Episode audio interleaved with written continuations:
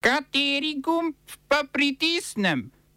Tisti, na katerem piše OF. Predsednica ameriškega kongresa Nancy Pelosi obiskala Tajvan. V Kansasu so voljivci odločili proti prepovedi splava. Novo podaljšanje premirja v Jemnu. V kulturnih novicah smešne scene.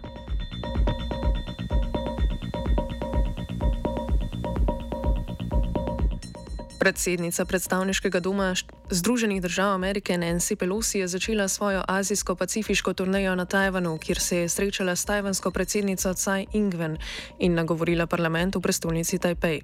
Obisk je bolj kot sklepanje konkretnih meddržavnih pogodb namenjam ameriškemu izrazu podpore Tajvanu in nasprotovanju po ameriških standardih agresivni kitajski zunani politiki. Gre za prvi obisk predsednice ameriškega predstavniškega doma na Tajvanu po četrt stoletja. Kitajska je odgovor na obisk ameriške delegacije, ki ima sicer s Tajvanom le neuradne odnose, izvedla prelete vojaških letal v bližini tajvanskega zračnega prostora, a ne znotraj njega, in napovedala serijo pomorskih vojaških vaj v neposrednji bližini tajvanskih teritorijalnih voda.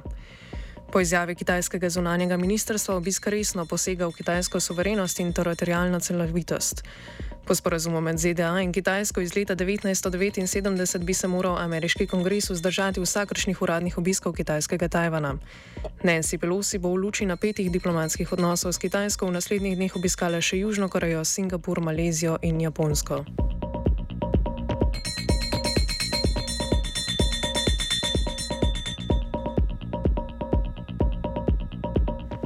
Ujemno sta mednarodno priznana vladna in hutijska stran na inicijativo Združenih narodov podaljšali obstoječe premirje za dva meseca, torej do oktobra. Prvo dvomesečno premirje je delegacija Združenih narodov izpogajala letos aprila, na to pa ga v juniju podaljšala. Ker bi se moralo premirje izteči včeraj, so ga upletene strani podaljšale. Jemenska državljanska vojna traja od leta 2014, ko so hutijske sile zauzele glavno mesto Sana. V slabih osmih letih vojne je bilo upitih okrog 30 tisoč civilistov. Čeprav od aprila velja načelno premirje, to ni končalo humanitarne katastrofe in stradanja ljudstva, ki jo povzroča predvsem blokada pristanišča v Hodejdi. Tega kljub premirju še zmeraj blokirajo vladne sile, ki jih podpirata Saudova Arabija in Združeni Arabski Emirati.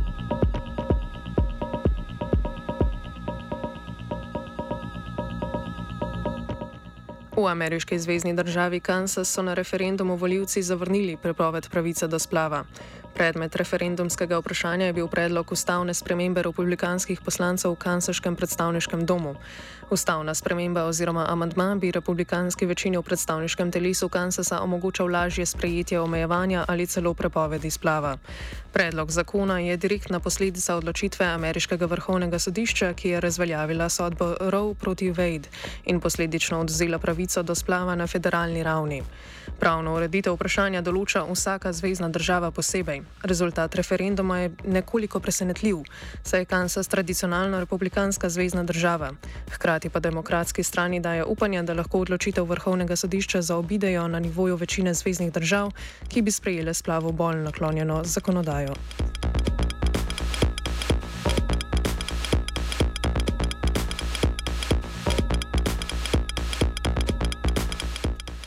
Kuvajtski prestolonaslednik Mešal al-Sabah je podpisal odlog, s katerim je uradno razpustil kuvajtski parlament. Politična disharmonija med kuvajtsko vlado in parlamentom, ki je vodila do razpustitve parlamenta, ima izvor v nestrinjanju glede fiskalne reforme. Nasprotja med parlamentom in vlado so se še poglobila v ponedeljek, ko je prestolonaslednik, ki je pred mesecem dni prevzel večino dolžnosti kuvajtskega emirja, imenoval novo vlado.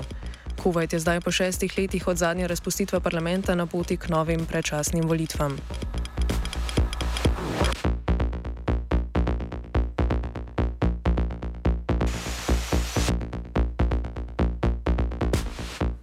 Vodja odbora za ekonomsko, kmetijsko, okoljsko in regionalno politiko v latvijskem parlamentu Krišjanis Feldmans je opozoril, da bi lahko v primeru težke zime Latviji zmanjkalo plina za zadovoljevanje najosnovnejših potreb gospodinstv in industrije.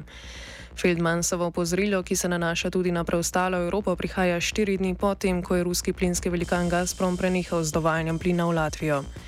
Gazprom Latviji očita kršenje pogojev nakupa plina, saj Latvija ni pristala na plačilo plina v ruskih rubljih.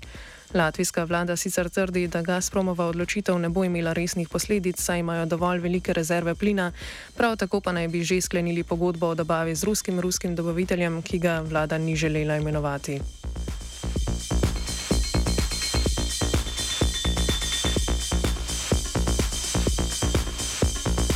Predstavništvo oboroženih sil afriške države Burkine Faso je priznalo, da je vojska nenamenoma ubila skupino civilistov v vojaški operaciji na jugovzhodu države. Vojska je na tem območju izvajala obsežne akcije proti oboroženim uporniškim skupinam, ki so povezane z Al-Kaido in islamsko državo. Po informacijah Reutersa je življenje izgubilo 37 civilistov. Smo se osamosvojili, nismo se pa osvobodili. Naslednje število je še 500 projektov. Izpiljene modele, kako so se strani nekdanje LDS rotirali. Ko to dvoje zmešamo v pravilno zmes, dobimo zgodbo o uspehu. Takemu političnemu razvoju se reče udar. Jaz to vem, da je nezakonito, ampak kaj nam pa ostane? Brutalni obračun s politično korupcijo. To je Slovenija,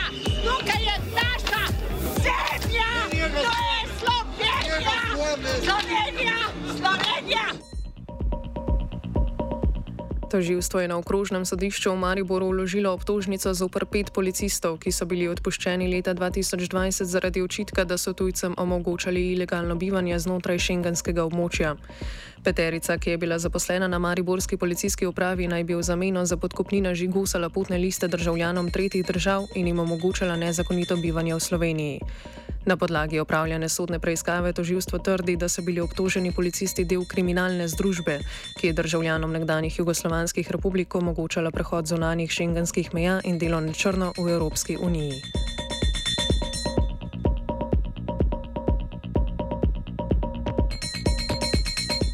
Preiskava, ki je sledila množičnem poginu rib v potoku Glinščica v Ljubljani, naj bi po neuradnih podatkih pokazala, da je za pogin rib kriv izliv cementnega mleka v potok z bližnjega gradbišča. Cementno mleko je zmes vode in cementa, ki nastane kot stranski in neželeni produkt polaganja vrhnega sloja cementa, zato se načeloma zavrže. Pripadniki gasilske brigade Ljubljana so v posredovanju na kraju pogina opazili, da je bila voda od, do gradbišča bistra, naprej od njega pa motna in z vidnim belim otenkom. Nizek vodostaj zato ni neposredni razlog za pogin, gotovo pa je pripomogel k hitrejši zastrupitvi, zastrupitvi rib s cementom. Policija še preizkuje sume morebitne kaznive zastrupitve potoka.